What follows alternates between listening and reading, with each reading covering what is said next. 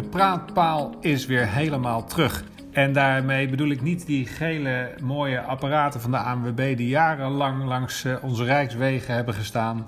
Maar natuurlijk de smart speakers van niet alleen Google, maar ook Amazon, die ons huis op dit moment binnenstromen en waar we onze eerste ervaringen mee aan het opdoen zijn.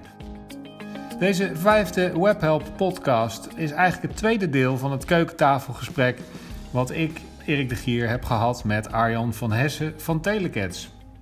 Aan bod komen niet alleen de grote techreuzen als Google, Amazon, maar ook Microsoft. Maar ook hoe we daarmee omgaan en hoe we van elkaar kunnen leren. We zien dat bedrijven wel al ermee aan het spelen zijn, maar nog wel heel erg zoekend zijn van oké, het is leuk, maar kunnen we het ook nuttig maken?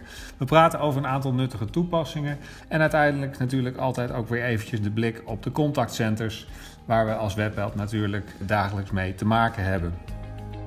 Ga er lekker voor zitten, neem je tijd en van harte welkom in de vijfde Webhelp podcast, het tweede deel van het interview met Arjan van Hessen van Telecats. Stay tuned. De contactcenterwereld, dus de gesprekken die binnen klantenservice plaatsvinden, daar zijn jullie specialist in spraaktechnologie rondom dat onderwerp. Ik heb wel eens begrepen dat bij Amazon inmiddels 10.000 mensen nu fulltime aan het werk zijn om dit soort dingen te ontwikkelen. Nou, Ja. Telecast, ik geloof met hoeveel man zijn jullie aan het werk in Enschede? Al met al eh 40 FTE. 40 FTE. Ja. Nou ja, dus de vraag is eigenlijk van hoe, hoe verhoudt Ja. dat zich tot elkaar? Want eh, zijn jullie nou concurrenten of doen jullie hetzelfde of doe je het toch weer anders? Of is Google stiekem een beetje jaloers op jullie? Eh, nee.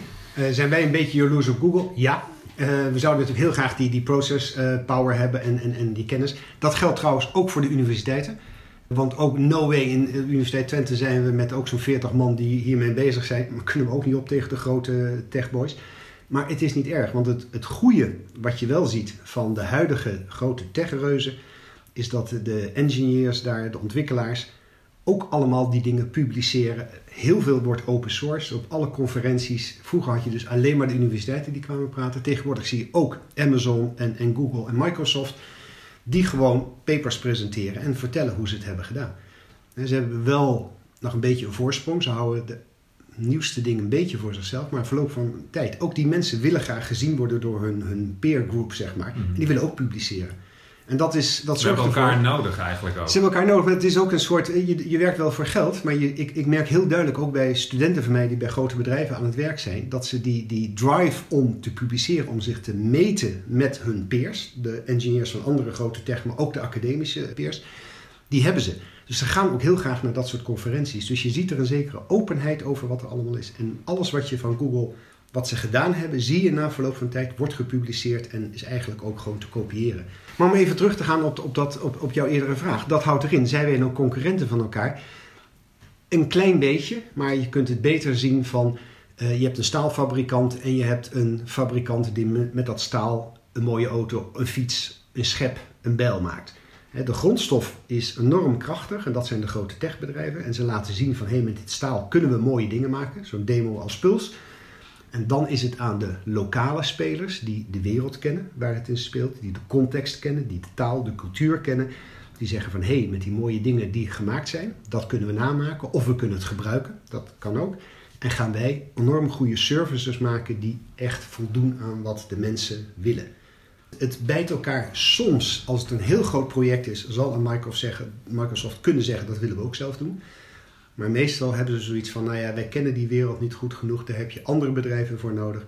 Laten we gaan samenwerken of jullie mogen onze technologie eh, als, als licentie nemen en jullie doen de dingen die je wil doen. Dus het, het vult elkaar over het algemeen heel goed aan. Ja, dus je kan eigenlijk op de schouders van de reuzen staan en, en daarop doorbouwen Ja. eigenlijk ook Ja. eh, met elkaar. Ja. Mooi. Het zijn niet alle bedrijven die dat weten, want dat, wij horen dat heel vaak en dan wordt er gezegd, ja, maar bij Google kan ik het ook krijgen. Ja, dat klopt. Hè. De spraakherkenning van Google kun je zo afnemen. Dat is een beetje gratis en na verloop van tijd moet je betalen. Maar wat ga je er dan mee doen? Mhm. Dan krijg je dus een zinnetje van nou, wat er gezegd is. Ze doen het heel erg goed. Oké, en dan? Dus dat hele proces, die AI, de logica erachter, wat je ermee gaat doen. Ja, daar houdt Google zich niet mee bezig. Ze laten zien dat het kan in zo'n demo. Mhm. Maar daarna is het aan de nou ja, gebruikers, aan de bedrijven die dat gaan toepassen, om te zorgen dat er iets zinvols uitkomt. Is het mogelijk om daar wat van te zeggen? Want ik heb zelf ook in Dialogflow wel eens wat, eh, wat geprobeerd. Ik moet zeggen, binnen een dag heb je een leuke conversatie eh, staan. Maar als je dat nou in een in, in context van het klantcontact wil doen, eh, hoe lang ben ik dan bezig? Dat het serieus, weet je, een van de stellingen zometeen. Binnenkort verloopt het klantcontact via praatpalen. We gaan het zo meteen echt over die praatpalen hebben, maar, maar toe, iedereen snapt waar het over gaat. Maar hoe lang, eh, hoe lang duurt dat? Dus ik kan vandaag een demo maken in Dialogflow, maar hoe lang duurt het voordat ik een mooie applicatie heb staan waar klanten echt blij van worden? En best lang. Omdat wat jij doet, jij bent een ontwikkelaar, jij weet wat je wilt bereiken en je weet hoe je zo'n apparaat moet bedienen. Dus jij praat tegen het apparaat en dat apparaat begrijpt jou, jij tweet het een beetje en dan op een gegeven moment doet hij precies wat jij, ehm, wat jij wil. Eh, je kunt dus tegen zo'n ding kun je leren, als een heel stom voorbeeld, doe de lichten aan. Nou, hé, hey, de lichten gaan aan. Ik heb dat thuis gemaakt, nou, en dat werkt. En mijn vrouw komt thuis en die zegt, doe de lampenkap aan. En sorry, ik kan je niet begrijpen. Omdat dat gewoon lampenkap er niet in zat. Dus een heel stom voorbeeld. En dan kun je zeggen, oké, ik ga lampenkap toevoegen. Maar zo ga je stap voor stap verder. En dat is altijd het gevaar. Als je er zelf mee gaat spelen, weet je hoe het werkt en je weet wat je wil bereiken. Dus voor part zeg je de lampen aan, dan zeg ik babi pang pang. En dan gaan de lampen aan. Dan bedoel, dat is heel makkelijk om te maken. Maar iemand anders zal hele andere woorden gebruiken. Of zal het op een andere manier eh, doen. Of zal andere vragen hebben. En daar moet je ook mee om kunnen gaan. Dus daar zie je gewoon, de techniek werkt, dat kun je laten zien. Maar dan de intelligentie en hoe mensen gaan communiceren, dat is echt de volgende stap. En is dat een volgende stap die mensen eh, en consumenten dan zelf moeten gaan maken? Krijg ik straks een Kan. app waarin ik eh, Siri, eh, ja, die, die springt nu te pas en te onpas aan. Ik vind het heel vervelend. Volgens mij heeft Apple dat absoluut niet op orde. Google vind ik wel mooi. Ja. Eh, die is daar zeker in het Nederlands al een, al een stuk verder. Ja. Eh, maar dan nog, op het moment dat ik nu met een bedrijf via, Google, via de Google Home ga praten, de Google Home Speaker, ja, dan word ik daar nog niet zo, word ik daar nog niet zo blij van. Nee. En ik zit te denken van, moet je dat dan niet gewoon zelf, moet ik dat niet zelf ergens kunnen instellen? Nou ja, ik, ik ben een groot voorstander van, ook voor bedrijven, ga ermee spelen. Ga, ga aan, aan de slag om te kijken of het toegevoegde waarde heeft, hoe je het zou willen inrichten. Maar dat is hetzelfde als dat het heel goed is als je je eigen huis gaat ontwerpen om met kartonnen dozen en wat tekeningen een, een huis te maken. Weet je, dat kun je heel goed zelf. Du moment dat je dat huis gaat bouwen, dan moet het degelijk zijn, het moet, er moet aan allerlei eisen voldoen. Dan neem je toch liever een aannemer of een vakman in de. Mhm. eh, en dat denk ik met deze praatpalen ook. Koop zo'n praatpaal, ga ermee spelen, ga kijken wat je ervan vindt, eh, ga erover dromen.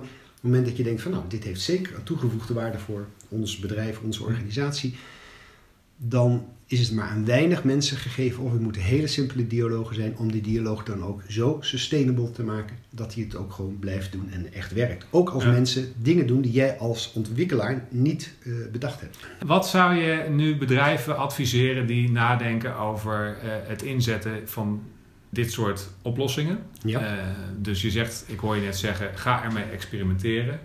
Ja, maar wanneer betrek je je klant daar dan in? Eerst moet je, moet, je, je- moet je dus zelf gaan spelen. En met je, met je collega's, eh, de baas of, of wie dan ook, eh, vrienden en familie. Een idee hebben van dit is wel, eigenlijk als dit echt zou werken, is het mooi. Nou, dan kun je langzaam kun je wat klanten eh, erbij vragen. Want dat zijn mensen die je niet kent. En die komen misschien met andere opmerkingen. Of zeggen, ja, ja, heel knap, maar voor mij heeft het geen enkel toegevoegde waarde.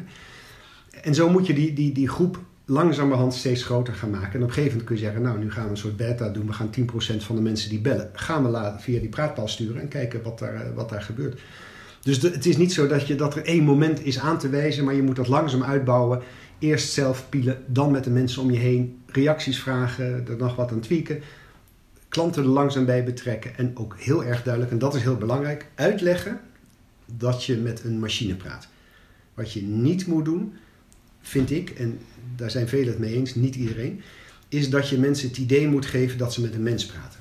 Omdat wat jij zegt is absoluut waar. We hebben een veel hogere, als ik een iemand bel en ik spreek duidelijk in wat ik wil. En die zegt, sorry meneer, ik zat even niet op te letten, kunt u nog een keer herhalen? Vind ik dat in de regel helemaal niet erg. Als dat vier keer achter elkaar gebeurt, is dat wat anders, maar in de regel is dit niet erg. Voor een computer hebben mensen een ander idee. Dan zeggen ze, hij doet het niet, hij werkt niet. Dat hebben we heel vaak gezien. Dus je moet heel erg oppassen hoe je met die, nou, de fouten eh, omgaat. Maar wat je niet moet doen, is mensen het idee geven, je praat nu eigenlijk met een mens, dus ga gewoon aan de gang. En dan op een gegeven moment duidelijk maken dat je toch met de computer praat. Dan voelen mensen zich genaaid en dan heb je echt een, eh, een, een, een probleem tussen.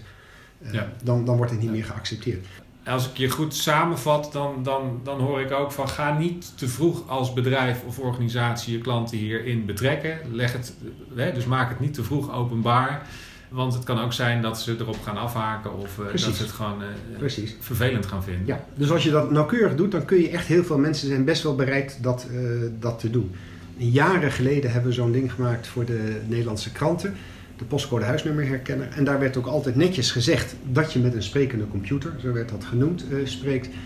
En dan vonden mensen dat in de regel niet zo erg als ze nog eens een keer een postcode moesten herhalen. En mensen zijn daar heel, die willen die krant hebben. En als je dat twee keer moet inspreken, nou ja, zo so be. Wat je niet moet doen, is het idee geven dat je met een mens praat. En nogmaals, en dat, dat moet je dus heel goed in de gaten houden. Wel de emoties herkennen, maar vooral ze niet. Uh, Precies. En wat we daar ook hebben gedaan, is, is die, eerst zijn we met de ene krant begonnen, toen een andere krant erbij geschakeld. We hebben dat niet in één keer uitgerold. En nog daarvoor echt met een kleine testgroep gewoon gekeken: A, doet hij het? Maar ook mensen gebeld: wat vindt u er eigenlijk van? Hmm. En toen zagen we, dat was verrassend, er was heel veel weerstand van een aantal titels. Die zeiden: Onze abonnees willen niet met een computer praten, die willen een mens. Dat was helemaal niet waar. Die mensen hadden het idee: Mijn krant is er niet. Als ik op deze manier de krant krijg, ben ik tevreden. Dus ik wil gewoon dat er geleverd wordt. Ja. Maar wat je ook zag, is als de krantenjongen dacht: joh, fuck you. Ik flikker die krant in de, in, de, in de bosjes, want ik heb geen zin, het regent.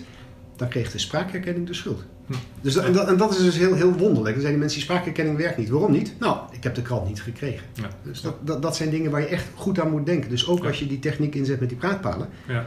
Als je dan niet levert waar mensen op wachten, krijgt de technologie de schuld. Ja. Ook al is dat volkomen onterecht. Google heeft het omgedoopt tot the age of assistance.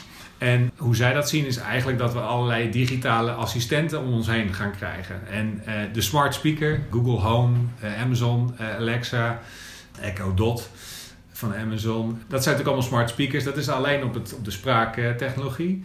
Maar inmiddels is er ook al een Google Lens, waar we het nu niet over gaan hebben. Maar in, het, in het kader van, ja. van de, de, digital assistance is dat wel relevant. Ja, en dan is er eens een een expert die zegt, ja, maar dat noem ik praatpalen. Maar wat, wat, basis waarvan, hoe ben je tot die praatpalen gekomen? Waarom noem je het praatpalen? Ik vind die mooie Engelse termen allemaal, een, uh, een speaking assistant of wat dan ook. Dat, mm, mm. Ik vind het allemaal een beetje opgeklopte taal. En we hebben dat toen geïntroduceerd. Ja, het is een praatpaal. En om een of andere reden, iedereen begreep dat. Uh, ook de jongeren die nog nooit een echte praatpaal, de klassieke gele praatpaal gezien hadden, begrepen wat het was. Het ziet eruit als een paal, je praat er tegen en hij praat terug. Ja, ja, ja hoe simpel. Ja, eigenlijk is het heel mooi. Ja. ja. Ze komen ons huis binnen. Steeds meer huishoudens hebben zo'n praatpaal. Ja, ik ga het gewoon overnemen. Ja. Gaan die blijven? Veranderen die daadwerkelijk ons gedrag? Ja. Of verdwijnen ze in een hoekje? Allebei. De, de echte nuttige toepassingen zijn nog maar heel erg gering. Je ziet kinderen die gaan daar heel duidelijk anders mee om. Uh, die komen er naartoe en die vragen: vertel me een mop. We waren laatst, hebben een hele dag georganiseerd voor mensen uh, met, een, met een handicap. Uh, in een zorgcentrum. En die willen weten, die kunnen nog gewoon fietsen naar het werk. Maar als het regent, dan willen ze dat niet doen. Nou, en dan één zo'n zo'n leidster, dat waren in dit geval allemaal vrouwen, die worden helemaal gek morgens, omdat die mensen wel vijf, zes keer vragen: moet ik nou een jas aan of niet? Gaat het regenen? Kun je nog op buienradar kijken? En er zijn meer voorbeelden van. En daar zou zo'n praatpaal ideaal voor zijn. Want dan kun je zeggen, nou dat soort simpele dingen, hè, Klaas, vraag het nou maar aan die praatpaal en die kan je desnoods elke vijf minuten vertellen of je een jas aan moet doen of niet. Nou, dat zijn hele nuttige toepassingen. Kinderen, vertel me een mop. Wat is de hoogste berg van de wereld? Nou ja, al dat soort Wikipedia-feitjes, uh, daar, daar, doen ze het uitstekend uh, op. Maar je ziet wel dat de industrie, het bedrijfsleven worstelt met wat gaan wij nou hiermee doen? De Rabobank is heel erg vooruitstrevend. Die wil dan ook betalingen laten doen via je praatpaal. Maar ja, daar zitten heel veel haken en ogen aan. Want jij gaat weer koffie voor ons zetten. Je loopt eruit. Ik zie die praatpas Je maakt even geld naar jezelf over. Exact. dus dan heb je... Nee, dan moet Mijn bankrekening. Precies. En, en daar zit dus nog een code in. Of hij moet precies weten... Nee, dit is niet Erik, dit is iemand anders. Dus dan doe ik het niet. Maar dat is ingewikkeld. Dus daar zitten heel veel haken en ogen aan. Wat is nou een nuttige toepassing? PostNL heeft een, vind ik, een goede. Dan kun je gewoon vragen wanneer komt een pakje aan. En hij weet er wie jij bent. En als jij vraagt wanneer komt een pakje aan, ja, krijg jij te horen dat mijn pakje om twee uur bezorgd wordt. Mhm. Nou, daar valt de wereld niet, uh, gaat niet aan ten onder. Geld overmaken is lastig. Albert Heijn, daar kun je recepten vragen van hoe ehm, kook ik aardappels. Dan wordt dat voorgelezen. In mijn ogen is dat een foute toepassing, want dat is een lineair proces. Als je dat helemaal Ja. gaat voorlezen, dat onthoudt niemand. Ik, Ehm, ik, eh, je bent geen futuroloog, dat verwacht ik ook niet. Dus ik verwacht niet dat je je glazen bol mee naar Amersfoort genomen hebt. Maar eh, vijf, of over vijf of over tien jaar, hoe, hoe, hoe ziet dat eruit? Zijn, wij dan, zijn we dan de hele tijd tegen computers aan het praten? Nou, niet de hele tijd, maar wel vaak.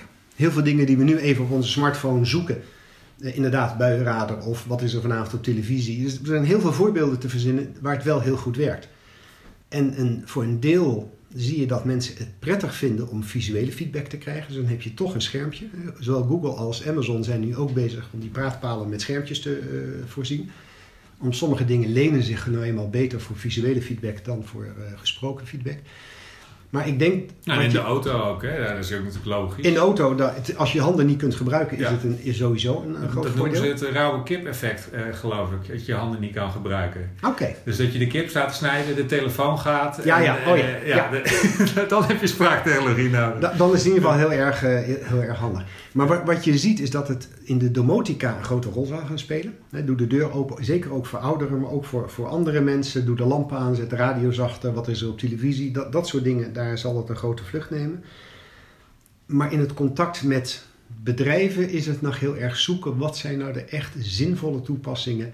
Eh, en nu is er nog heel veel, je kunt iets doen, je doet het omdat het leuk is. Maar of dat echt gebruikt gaat worden, dat is nog maar de vraag. Klantcontact eh, is aan het veranderen. De verwachtingen van consumenten eh, worden anders. Eh, we kunnen ook nog niet alles overzien. We moeten er wel bij blijven, in Ja. ontwikkeling blijven. Zeker vanuit de customer contact branche is het ontzettend belangrijk. Want er zijn dagelijks miljoenen klantcontacten die nu inderdaad via app, chat en nog steeds ontzettend veel ook per telefoon Ja. gaan. We hebben het gehad over intens. Dus dat je inderdaad zegt van nou, dat een consument, een klant van je een inte- intent heeft. Hij wil iets weten, hij wil iets kopen, hij wil iets doen. Dan moet je er zijn. En of dat dan eh, op de Google Home is eh, of, eh, of in het traditionele callcenter. Je moet gewoon zorgen dat je er klaar voor bent. Precies. Ehm, en wat ik ook mooi vind, is dat de ontwikkelingen in de, in de artificial intelligence, machine learning, aan de technologiekant gaan ontzettend hard. Daar moet je bij blijven, dicht bij het vuur blijven zitten. Nou, dat doen jullie. Ja. Eh, Ja. eh, hartstikke bedankt voor, eh, voor je komst vandaag naar Amersfoort, hier aan de keukentafel. Dus tot zover weer een nieuwe aflevering. Sinds een aantal weken zijn wij eh, onderdeel van eh, het, eh, het Apple-ecosysteem. we zijn opgenomen in, in de iTunes Store. Dus onder iPods of onder iTunes kan je ons vinden. De Webhelp podcast. Abonneer je. En als je dat gedaan hebt, dan moet je natuurlijk wel even luisteren. Dat zouden we heel fijn vinden. En als je dan een review achterlaat, dan worden we helemaal blij. Nogmaals bedankt en een fijne dag. Dankjewel.